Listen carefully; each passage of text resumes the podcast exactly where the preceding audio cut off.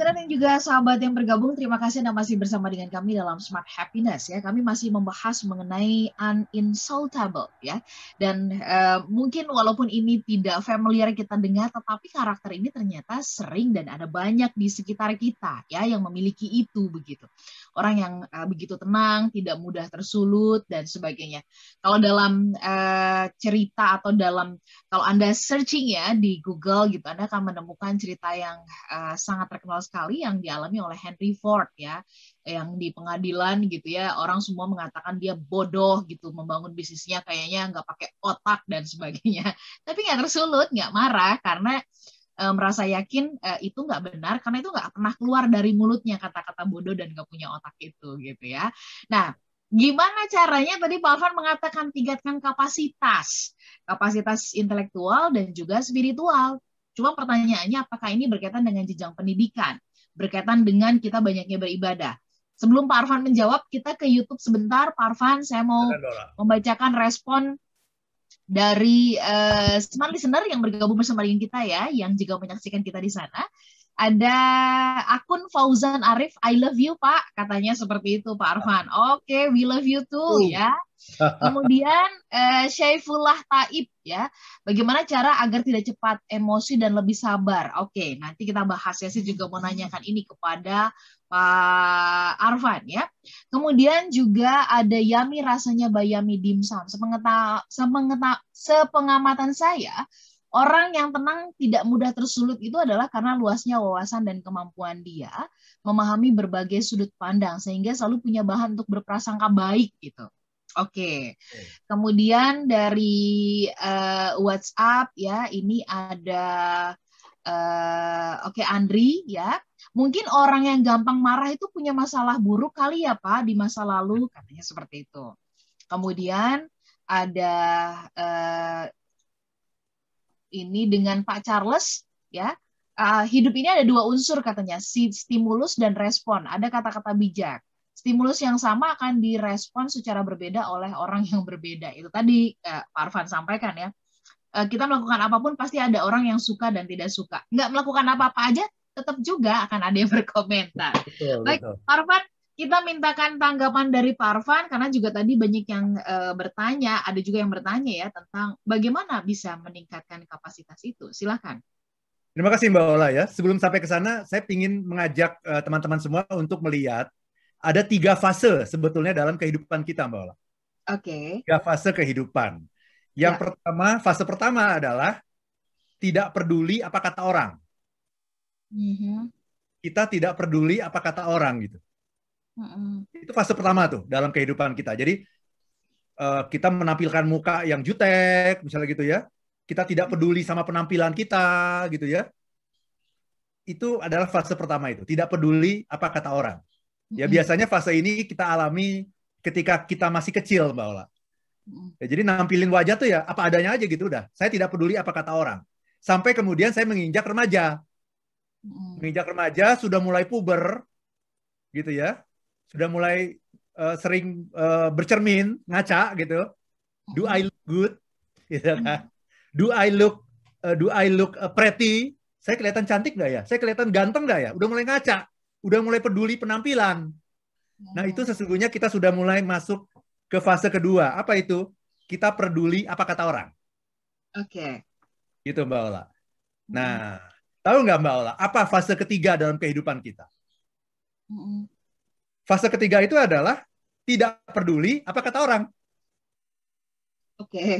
Okay. Saya ulang ya Mbak Ola ya. Jadi ya, ya. fase pertama dalam kehidupan kita, kita tidak peduli apa kata orang. Itu waktu kita kecil ya. loh. Masa bodoh deh orang mau ngomong apa gitu. Saya tampil apa adanya nih, emang saya jutek orangnya mau apa. Gitu kan. Nah itu fase pertama. Fase kedua, mulai ngaca, mulai bercermin karena sangat peduli apa kata orang. Sangat peduli sama apa yang dipikirin orang. Nah, fase ketiga, justru kembali lagi, tidak peduli apa kata orang. Tetapi yang menarik, fase ketiga ini kelihatannya sama dengan yang pertama, tetapi sesungguhnya ini berbeda, Mbak Ola. Mm-hmm. Jadi kalau yang pertama itu tidak peduli apa kata orang karena tidak sadar diri. Mm-hmm. Yang ketiga tidak peduli juga apa kata orang karena sudah sadar diri. Oh, Oke. Okay. Tidak peduli kata orang karena nggak sadar, tetapi di fase yang ketiga peduli justru karena sadar gitu ya. Tidak peduli apa kata orang karena sadar. Iya, iya, iya. Sudah melampaui tahap yang kedua itu. Semua orang tuh pasti punya tahap yang kedua itu. Sangat peduli apa kata orang, sangat peduli apa yang dipikirkan orang. Mm-hmm, Tapi kita harus sadar kalau kita berhenti di situ itu bagus sih, itu bagus kan. Yang paling jelek adalah orang yang nggak peduli apa kata orang ya dalam pengertian ya udah saya mau begini mau apa? Gitu. Berantem terus di mana-mana berantem terus. Iya iya iya. Tahap ya. kedua itu udah lebih bagus. Ya tapi kita harus sadar bahwa ketika kita terlalu peduli apa kata orang akhirnya kita nggak bisa ngapa-ngapain gitu. Ya, ya. saya pakai baju bermerek dibilang sombong gitu. Ya kan? Ya. saya beli baju di Tanah Abang dibilang pencitraan kan begitu. Mau mm -hmm. apa gitu. Saya bantu bantu orang dibilang ini show off gitu. Saya diem diem aja dibilang nggak peduli kan gitu. Jadi susah lah Mbak Ola. Kalau kita selalu memikirkan apa kata orang, itu kita nggak bisa ngapa-ngapain gitu. Nah ini udah beyond itu. Sudah hmm. beyond itu akhirnya apa? Kembali tidak peduli apa kata orang, tapi dengan penuh kesadaran gitu. Itu fase ketiga Mbak Ola. Ya, dan kalau kita sudah sampai pada fase ketiga itu, kita nanti akan bisa mencapai sebuah karakter yang namanya uninsultable. Mm -mm. Itu Mbak Ola. Oke, okay. Uninsultable. Oke, okay. smart listener dan juga sahabat yang bergabung ini seru kan ya. Uh, tadi uh, ada banyak yang dijelaskan oleh Pak Arfan. Sudah ada tiga fase yang tadi uh, dijelaskan kenapa seseorang memiliki ini. Pak Arfan boleh nggak ditajamkan bagaimana yang tadi Bapak sampaikan tentang kapasitas intelektual dan spiritual ini gitu loh. Bagaimana kita bisa meningkatkan ini? Ini apakah tadi berkaitan dengan uh, banyaknya buku yang kita lahap, uh, pendidikan, banyak bergaul gitu ya, banyak beribadah atau gimana? Sayangnya tidak, Mbak Ola. Oh, enggak ya? Sayangnya tidak. orang yang banyak baca buku itu akhirnya dia merasa, oh, saya orang pinter nih. Siapa kamu? Kan gitu akhirnya. orang yang merasa pinter itu akhirnya menganggap remeh orang gitu. Ya ketika diserang dia dia langsung merasa, eh, kamu siapa emangnya? Apa yang kamu tahu yang saya nggak tahu? Hmm. Mm-hmm. Jadi jangan jangan salah mbak, orang yang yang pinter wawasan luas itu tidak menjamin itu. Begitu juga orang yang rajin beribadah itu religius ya mbak Ola ya. ya. Orang yang beribadah itu religius. Tadi yang saya sampaikan itu adalah kapasitas spiritual bukan reli, religius gitu. Mm-hmm. Orang yang religius itu juga sangat rentan loh mbak Ola. Mm-hmm. Iya kan dia lihat ada lambang apa kemudian dia bilang ini upaya agama apa gitu untuk uh, me, membuat saya jadi berubah pandangan. Kan seperti itu sangat rentan itu. Orang yang religius itu itu sangat rentan melihat sesuatu yang berbeda. Karena hmm. kalau yang namanya religiosity nanti kita bahas ya mbak Ola ya. nanti saya cari waktu di bulan puasa ini ya. Saya akan bahas ini. Apa bedanya religiosity dengan spiritual spirituality? Religius itu uh, selalu melihat perbedaan. Hmm. orang lain beda sama saya. Okay. dan ketika beda ini ancaman. Hmm jadi insecure gitu. Nah, tetapi yang bagus itu religius itu harus dilengkapi dengan yang namanya spiritualitas. Karena orang yang spiritual itu lebih tenang dia. Kenapa? Karena dia melihat siapa pun itu sama. Dia bisa menemukan persamaan, kesamaan dengan orang yang berbeda sekalipun. Itu orang yang spiritual. Karena dia menyadari bahwa hakikatnya manusia itu sama. Manusia itu adalah makhluk, gitu, sama. Gitu ya. Jadi tidak ada hubungan nanti dengan yang namanya kapasitas intelektual, kemudian uh, rajin beribadah, itu tidak ada hubungan, Mbak Ola. Nah, uh-huh.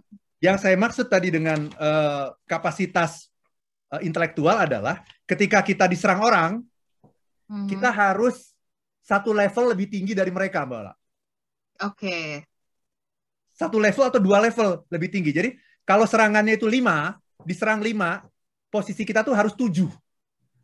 Enam atau tujuh. Pokoknya harus lebih daripada mereka gitu.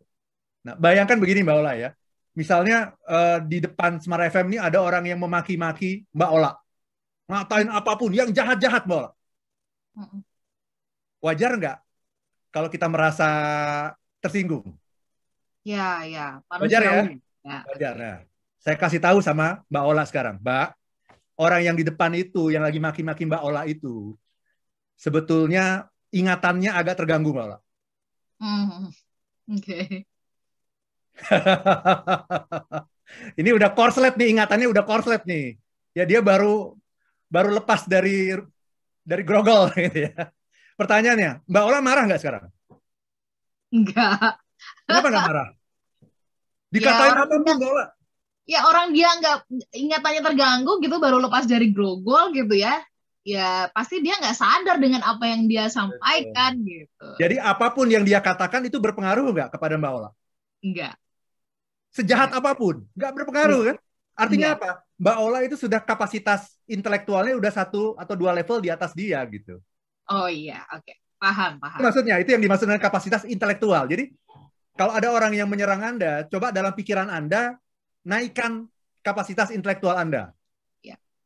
Ketika kapasitas intelektual kita naik, maka kita tidak akan merasa bahwa serangan itu begitu berarti bagi kita, Mbak. Hmm. Itu.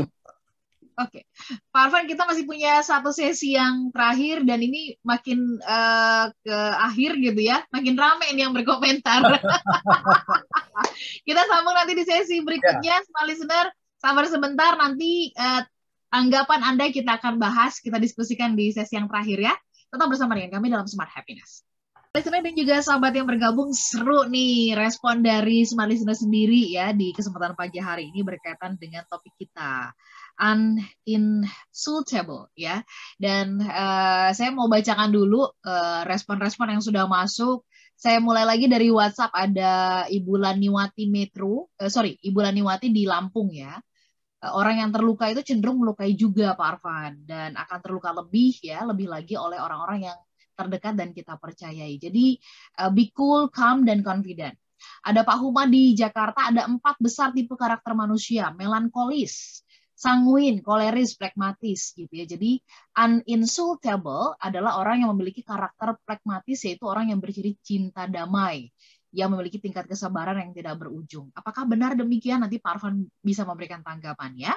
Kemudian ada juga uh, respon dari uh, sebentar dari uh, Pak Herwan Navil orang yang bisa tenang itu karena dia senantiasa connect dengan Tuhannya. Jadi nggak mudah tersulut. Dia anggap semua yang terjadi pada dirinya adalah baik, katanya seperti itu ya. Kemudian ada Mbak Tini di Yogyakarta, selalu berusaha kontrol diri. Oke. Okay.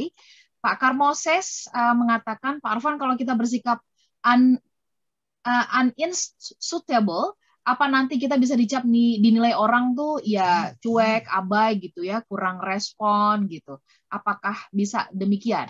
Silakan Pak Arfan tanggapannya. Mungkin tadi eh, berkaitan dengan karakter dulu ya. Tadi ada yang eh, memberikan komentar bahwa mungkin orang yang seperti itu yang pragmatis itu menurut Pak Huma. Silakan. Nah, ini menarik nih. Ini pertanyaan bagus-bagus semua nih Mbak Ola nih.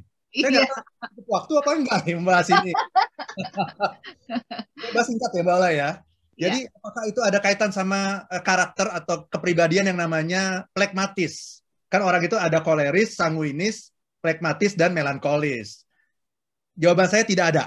Ya, orang yang plekmatis itu benar-benar ada orang yang sabar, orang yang cinta damai, peacemaker. Ya, tetapi uh, itu tidak menjamin bahwa dia tidak terluka loh, Mbak Ola. Tapi kalau orang koleris terluka, dia balas menyerang. Ya tadi itu ada pertanyaan dari Ibu Lani ya cenderung melukai lagi itu orang koleris tuh. Orang yeah. koleris kalau dia dilukai dia akan cenderung menyerang. Ya. Kalau orang sanguinis itu dia cenderung menghindar nanti. Kalau dia di, dilukai dia menghindar, tapi dia tidak suka konfrontasi orang sanguinis. Nah, orang plekmatis ini kelihatan sabar. Tapi kelihatan sabar itu sama sekali tidak berarti bahwa Anda tidak terluka. Hmm. Banyak nggak Mbak Ola orang yang sabar, istri yang sabar, diperlakukan apa pun sama suaminya sabar, padahal dia menangis dalam hati. Iya, makan hati gitu ya. Nah, itu, istilahnya makan hati. Nah itu adalah orang plekmatis tuh biasanya tuh. Ya yeah. orang plekmatis itu uh, sabar tapi sakit hati. Hmm. Tapi terluka sebetulnya. Jadi bukan bukan itu. Ini tidak ada kaitan dengan empat kepribadian itu. Ya. Kemudian tadi kalau Ibu Lani cenderung yang dilukai cenderung melukai. Ini mungkin habis nonton film Joker nih. Ya dilukai orang-orang yang tersakiti kata gitu ya. Tapi ini tidak, ya tidak ada hubungannya dengan dengan itu. Ya, kemudian tadi uh, kaitan dengan kontrol diri, bukan. Bukan Mbak Ola. Kontrol diri itu uh, sering kali orang yang kelihatannya tenang, bisa menerima feedback, dikritik apa pun oke okay, gitu. Tapi dalam pikirannya awas loh nanti gitu. Tapi karena hmm. dia punya kontrol diri, dia bisa mengekang. Mulutnya, dia bisa mengekang perilakunya. Itu kontrol diri kan? Mm-hmm. Padahal dia marah, jangan jangan salah, dia marah banget itu. Dia terluka itu, tapi dia bisa mengontrol dirinya seolah-olah tidak terlihat dalam ekspresi wajahnya. Nah, itu namanya kontrol diri, ya. Kemudian tadi Pak Karmoses bilang apakah ini termasuk seperti orang yang cuek? Orang yang cuek itu insensitif. Mm-mm. Ya, nggak sensitif. Jadi dia diserang orang, dia tidak marah karena dia tidak sensitif. Hmm. Ya kan? Misalnya ada seorang karyawan yang datang setiap hari terlambat gitu, ya kemudian atasannya mengatakan, saya lihat kamu rajin sekali ya. Gitu. Hebat sekali ya kinerja kamu luar biasa ini. Padahal menyerahkan tugas saja nggak pernah gitu, tapi kinerja kamu luar biasa nih. Nah karena dia orang yang cuek dan tidak sensitif, dia seneng, dia ketawa, dia padahal dia lagi disindir gitu ya. Itu namanya insensitif.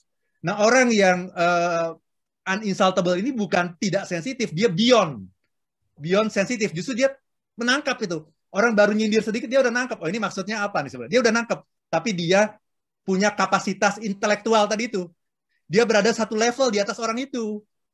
Mm-hmm. Ini yang membuat dia menjadi orang yang un uninsultable. Okay. Nah, satu lagi tadi, Mbak Ola. Kan kita sudah bahas ada dua ya ada hmm. kapasitas intelektual, ada kapasitas spiritual. spiritual. Nah, ya. ini yang menarik nih sekarang nih. Saya masuk ke yang kapasitas spiritual ya.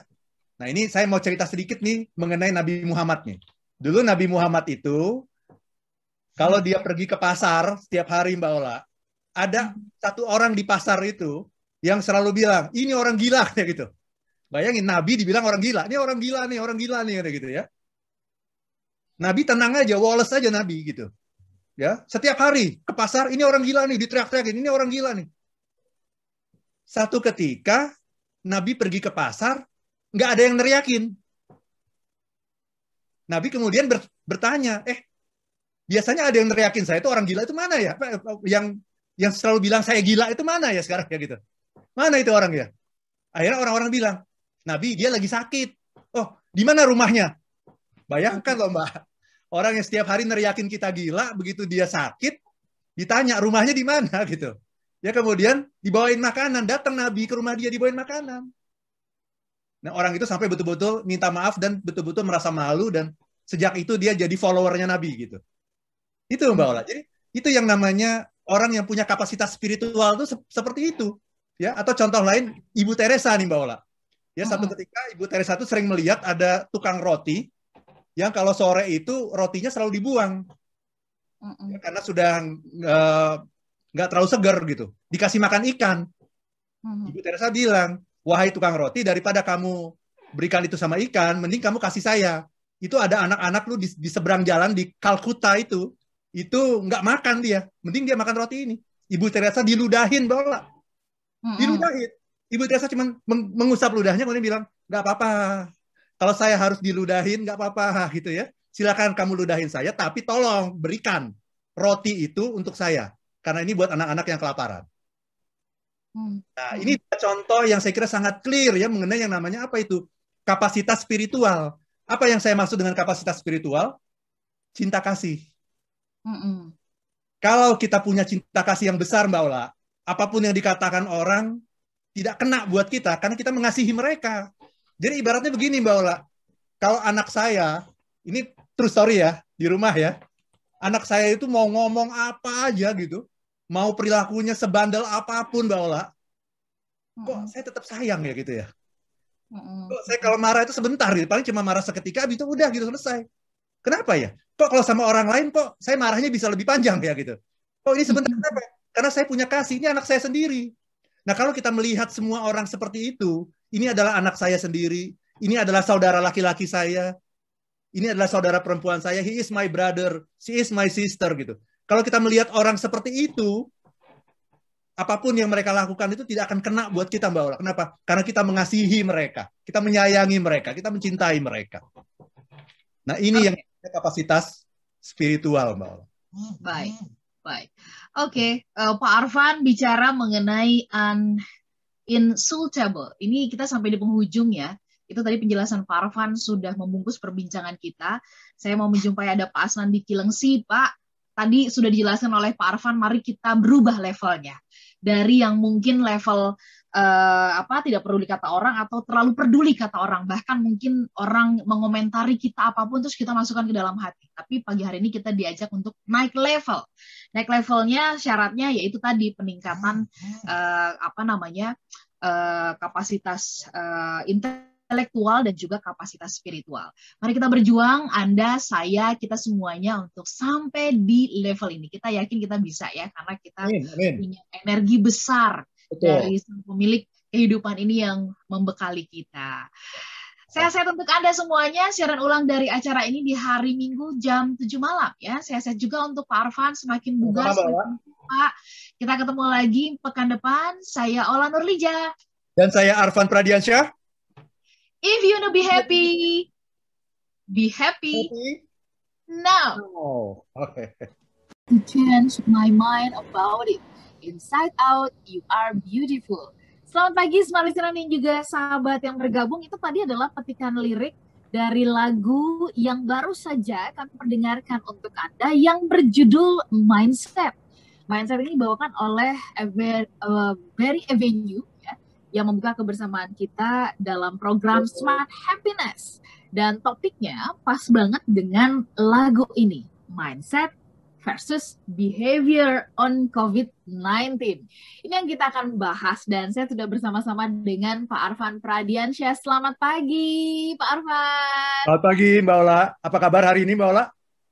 Baik, pastinya. Are you happy, Pak Arfan, today? Ya, lebih happy, lebih lebih seger sekarang nih.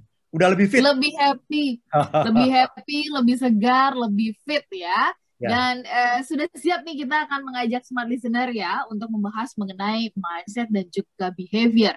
Ini menarik nih kalau kita membahas mengenai mindset versus behavior on corona virus 19 ya. Tapi sebelum sampai ke situ, nah mungkin dari lagu dulu ya kan. Di bagian mana yang ingin Pak Arfan berikan penekanan gitu? Mungkin di liriknya atau di uh, makna lagunya. Silakan Pak Arfan. Ya, terima kasih banyak Mbak Ola ya. Jadi ini uh, lagu yang bagus sekali ya mengenai mindset gitu ya. Dan kata-katanya tadi itu ada di baris yang pertama ya. Jadi yang menunjukkan bahwa yang namanya mindset itu sesungguhnya tidak mudah untuk diubah mbak Ola. Ya. Mm-hmm. jadi tidak semudah itu gitu ya. Kata-kata bisa berubah dengan cepat perilaku bisa berubah dengan cepat tapi yang namanya mindset itu nggak bisa berubah dengan cepat gitu. Nah dia tadi mengatakan I got my mindset on you Ya, aku punya hmm. mindset tentang kamu gitu ya. There is nothing you can do to change my mind about it. Tidak ada yang hmm. mampu kamu lakukan untuk mengubah uh, pikiranku tentang kamu, gitu dia bilang. Inside out, you are beautiful. Namanya juga lagu tentang cinta ya. Iya. Yeah. Jadi dia bilang inside out dari dalam keluar itu kamu adalah orang yang indah, ya, yang cantik, ya, yang menawan gitu ya. There is nothing you can do to change my mind about you. Tidak ada satupun yang bisa kamu lakukan untuk mengubah mindset aku terhadap kamu. Seperti itu, Mbak Ola. Oke. Okay. Oke. Okay. Baik. Baiklah. Uh, terima kasih nih kita dipuji gitu ya kita uh, indah luar dalam ya smart listener yeah, ya yeah. dari lagunya tadi.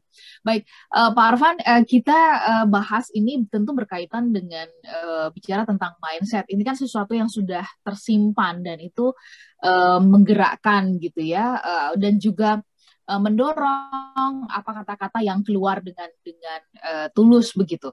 Nah kita mungkin bahas uh, mindset dan behavior uh, berkaitan dengan COVID-19 ini. Apa yang mungkin sebelum kita jeda ya Pak Arfan, uh, yang mendorong Pak Arfan mengajak kita untuk membahas ini? Apakah Bapak melihat bahwa banyak orang yang hingga kini masih memiliki mindset yang salah ya, sehingga kemudian menghasilkan behavior yang yang salah juga, meskipun ya mungkin pemerintah sudah wah memerintahkan kita untuk ini itu. Bahkan mungkin bikin undang-undang kalau nggak kalau nggak pakai masker dihukum. Kalau nggak divaksin kalau nggak ikutan vaksin nanti uh, ada undang-undang yang mengatur dan, dan sebagainya. Silakan Pak Arfan. Terima kasih banyak Mbak Ola ya. Jadi ada dua alasan sih kenapa kita mengangkat topik uh, uh, mindset versus behavior on COVID-19 ya. Yang pertama adalah karena baru dua hari yang lalu kita memperingati satu tahun uh, adanya COVID-19. Munculnya COVID-19 ya. Jadi Kita ini... jangan ucapkan selamat ulang tahun ya Pak. Apalagi selamat panjang umur lagi ya, itu bahaya sekali. Iya, jangan dah. Tapi ini perlu menjadi sebuah peringatan bagi kita ya, sebuah warning, sebuah reminder bagi kita bahwa ternyata ini lebih dari yang kita bayangkan ya. Kan banyak orang dulu yang membayangkan katanya bulan Juni sudah selesai kata gitu ya. Kemudian hmm. akhir tahun sudah selesai gitu ya. Ternyata ini sudah setahun ya. Dan sekarang ini uh, sudah ada varian baru uh, eh, COVID-19 yang katanya datang dari Inggris gitu. Jadi vaks, apa, apa uh, virus ini bisa bermutasi gitu. Dan namanya juga sudah bukan virus 19 lagi tapi B117 gitu ya. Nah, ini kan hmm. ini apa lagi nih gitu ya. Ini sesuatu yang ya. betul-betul yeah. harus menjadi warning bagi kita gitu ya. Jadi alasan pertama karena itu Mbak Ola ya kita sudah setahun ini memperingati uh, peringatan satu tahun uh, masuknya COVID-19 ke Indonesia ya di tanggal 2 Maret kemarin ya Mbak Ola. Nah yang kedua ini adalah sebuah topik pembelajaran sesungguhnya dari minggu lalu ya. Karena minggu lalu Betul. saya sudah cerita ya ketika saya terserang uh, eh, COVID-19 seperti apa rasanya, seperti apa pembelajarannya dan salah satu pembelajaran terpenting dari uh, saya mendapatkan uh, apa terpapar COVID-19 ini adalah uh, perubahan mindset. Nah ini mm-hmm. perubahan paradigma, yaitu berubah dari tadinya tidak percaya bahwa COVID itu ada, atau saya sering kali mengatakan ah itu sih hanya flu biasa aja lah, ya. Mm-hmm. Dan uh, setiap setiap orang juga bisa dengan mudah terkena flu ya. Nah mm-hmm. kemudian saya berubah mindset menjadi mengatakan bahwa uh, COVID-19 itu ada dan berbahaya dan jahat gitu. Jadi hati-hati dengan okay, yang namanya COVID-19 gitu. Itu yeah, Mbak. Yeah. Baik, smart listener, uh, kami mau mengajak Anda membahas ini lebih dalam lagi. Namun ada baiknya uh, ketika kita membahas, saya jadi uh, sepakat ini berdasarkan apa masukan-masukan uh, dari smart listener ya dan juga melihat apa yang berkembang di sosial media, di media dan sebagainya. Ada baiknya ketika kita mendengarkan sesuatu yang membahas mengenai COVID-19, kita mendengarkannya secara utuh. Jadi kita nggak sepotong-sepotong, ya, ya supaya tidak ya? salah paham. Iya, supaya oh. tidak salah paham. Terus uh, apa kaitannya antara mindset dengan behavior ya berkaitan dengan COVID-19 ini nanti kita bahas lebih lanjut di sesi berikutnya. Tetapi apakah Anda termasuk yang telah berubah mindsetnya memandang COVID-19 ini, atau Anda tetap memandang bahwa ini adalah uh, bisa-bisaannya pemerintah lah ini ya, atau konspirasi apa begitu ya? Atau ini ya hanya sekedar flu biasa saja. Silakan, apa pun itu mindset Anda, tidak ada yang salah dengan itu. Tapi persoalannya adalah dengan kondisi sekarang, kenyataannya COVID-19 itu memang benar-benar ada faktanya. Tapi jadi sesaat membahas ini. Sinar dan juga kita. sahabat yang bergabung, mindset versus behavior on coronavirus ya. Ini yang menjadi topik bahasan kita dalam Smart Happiness. Anda kami ajak ya untuk kasih komentar. Ini setelah satu tahun. Setelah satu tahun kita berhadapan dengan coronavirus ya virus corona ini, apa tanggapan yang paling paling paling dalam dari hati Anda tentang situasi saat ini, tentang virus ini? Silakan Anda boleh sampaikan ke 0812 11 12 959. Kemudian juga Anda bisa live chat ya di uh, YouTube ya channel Smart FM. Saya ingin menyapa Anda yang ada di Makassar, Manado, kemudian Banjarmasin, Balikpapan. Selamat pagi untuk Anda yang ada di Palembang, kemudian Pekanbaru dan juga Medan. Hai, Anda yang ada di Surabaya, Yogyakarta, Jakarta, Depok, Tangerang, Bekasi, Bogor ya, kemudian juga eh, kota-kota uh, di sekitarnya ada 10 kota di mana Smart FM hadir. Saya yakin di 10 kota ini mindsetnya beda-beda, behaviornya juga beda-beda. So, let's go. Anda bisa kasih komentar dan pandangan Anda ya. Pak Arfan, um, seperti yang tadi saya sebutkan gitu ya, ada 10 kota ini saya udah yakin banget 10-10-nya ini nggak mungkin persis plek keteplek itu sama begitu ya mindsetnya berkaitan dengan uh, virus corona ini. Tetapi sebelum uh, kita jauh membahas lebih dalam lagi, sebenarnya apa sih yang membentuk mindset ini, Pak Arfan ya?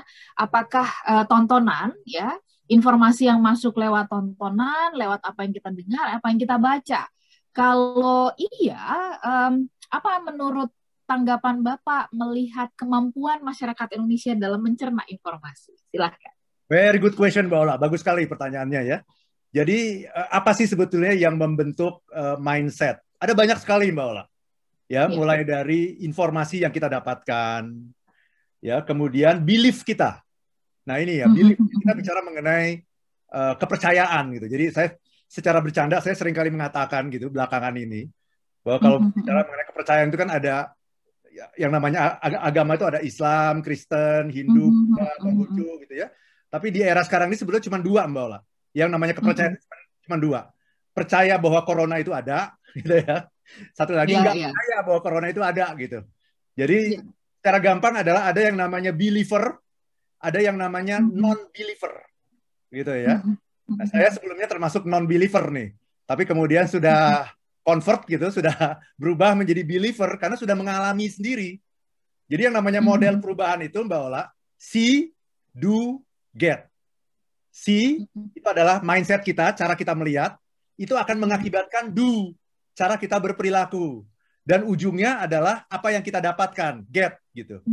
Nah, itu nanti akan ketahuan di situ gitu ya. Jadi model perubahan itu rumusnya sederhana sekali.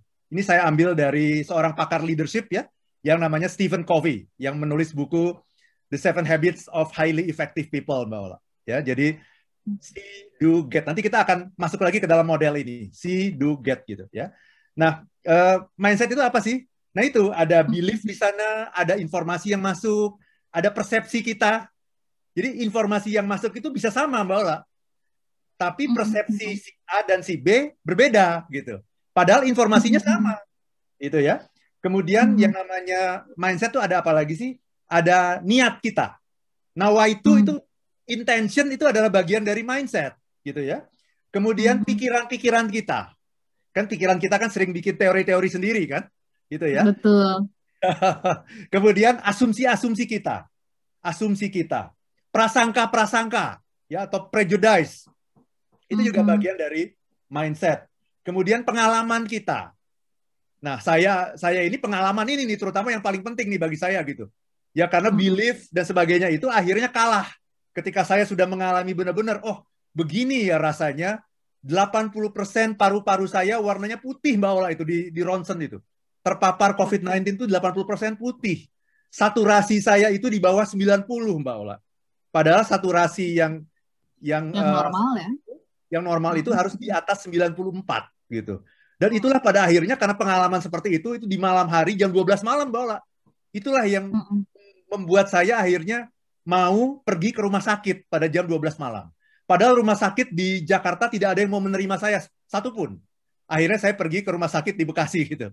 Ya, kenapa hmm. seperti itu? Karena pengalaman gitu. Jadi belief saya tadinya saya tidak percaya ya kepada yang namanya corona ini. Bahkan sudah sakit pun saya masih berharap bahwa saya itu bukan COVID tapi tipes gitu ya. Bahkan saya merasa sangat kecewa gitu ketika dok dokter mengatakan, "Pak, ini saya sudah cek tipes." Gak ada sama sekali. Enggak. Normal, yeah. bagus. Aduh dok, gitu ya. Coba tipes dok, gitu ya. Ternyata nih COVID sih gitu, ya. Dan yang yang membuat saya akhirnya mau dilarikan ke rumah sakit bukan apa-apa, pengalaman. Karena saya mengalami sendiri, saturasi saya di bawah 90. Dan kalau dibiarkan terus, itu bisa mengakibatkan kondisi yang fatal gitu. Bisa mengakibatkan kematian gitu. Jadi ini yang akhirnya membuat saya berubah mindset gitu. Ayo langsung deh nggak ada cara lain gitu ya. Termasuk juga yang membuat mindset kita adalah cara pikir kita. Kebiasaan kita berpikir seperti apa begitu mbak Ola. Ya kemudian uh, juga adalah eh, teori-teori yang kita pahami selama ini gitu mbak Ola. Teori apa pun gitu. Ya jadi kalau bicara mindset itu sesungguhnya ada banyak sekali gitu yang ada di dalam pikiran kita ini yang sifatnya abstrak. Nah, karena abstrak, banyak orang yang tidak mau mendalami itu, Mbak Ola. Iya, Padahal, nah ini yang sangat penting yang perlu kita garis bawahi Mbak Ola. Badan Pusat Statistik itu pada bulan hmm. Oktober tahun 2020 melakukan penelitian. Penelitiannya menarik sekali. Siapa di antara Anda yang percaya corona dan tidak percaya bahwa corona itu ada? Hmm. Ternyata di Indonesia ini Mbak Ola, ada 17 persen penduduk Indonesia Orang yang, yang tidak percaya. percaya bahwa corona itu ada. Nah, 17 persen hmm. itu Jumlahnya berapa coba? 45 juta Mbak Ola. Jadi ada 45 juta orang yang non-believer ini, yang tidak percaya bahwa corona itu ada. Termasuk ya. satu saya gitu. ya. Tetapi sekarang ini dengan adanya saya sudah mempunyai pengalaman yang cukup uh, membuat uh, apa ya khawatir banyak orang gitu ya bahwa saya tidak bisa diselamatkan maka uh, saya merasa mendapatkan sebuah misi dari Tuhan gitu bahwa ini tugas saya nih masa sudah 24 hari ya ada di uh, di rumah sakit? Ruang perawatan ya? Ruang perawatan di ICU saya tidak bisa ngapa-ngapain gitu. Nah tugas saya saya merasa bahwa tugas saya apalagi sebagai motivator adalah mempengaruhi yang 45 juta orang ini gitu. Makanya saya sekarang tiap hari sedang nulis buku nih, Mbak. Sedang nulis buku, mudah-mudahan dalam waktu tidak terlalu lama lagi ini bisa diterbitkan dan bisa membuat membantulah gitu, membantu pemerintah dalam rangka menyadarkan masyarakat bahwa COVID itu ada gitu. COVID itu uh, jahat gitu. Itu Mbak Ola. Oke. Okay. Uh, Pak Arfan kita lihat kan ya upaya pemerintah kan tidak udah-udah begitu ya, tidak habis-habisnya bahkan oh. dibentuk uh, satu tim ya uh, yang khusus menangani ini dan kemudian kita juga melihat uh, berbagai data orang-orang yang terpapar COVID, kemudian juga jatuhnya korban. Kita juga tiap hari dapat update berapa orang yang, terselamatkan, ya, berapa orang yang tidak terselamatkan, terutama yang ini nih, berapa orang yang tidak terselamatkan, dan kemudian kita juga lihat pergerakan dari uh, jumlah makam yang bertambah, ya, pemakaman uh, tempat pemakaman uh, COVID-19 ini juga bertambah begitu. Nah, uh, apakah menurut Bapak ini ya uh, semua fakta-fakta tadi tidak cukup ya untuk benar-benar bisa membuat mindset seseorang uh, bisa berubah. Artinya apa sebenarnya yang membuat mindset uh, seseorang itu demikian demikian kerasnya, demikian sangat terbungkus dengan rapihnya begitu? Uh, kalau menurut Pak Arfan itu apa? Kuat di apa sih di beliefnya kah gitu ya? Di soal uh, ya ya kalau udah believe kan gimana kita mau mau mengatakan apa pun gitu ya.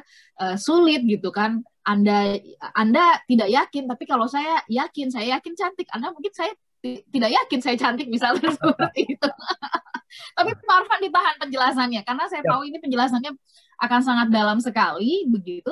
Smart listener dan juga sahabat yang bergabung tetap bersama dengan kami. Saya berharap saya tidak usah atau Anda tidak usah tunggu sampai mengalami sendiri COVID-19 baru berubah mindsetnya, tetapi nanti kita bahas apa yang membuat mindset ini sulit dirubah. Kita jeda ya. Dan kami menantikan Anda bergabung di 0812 11 12 959.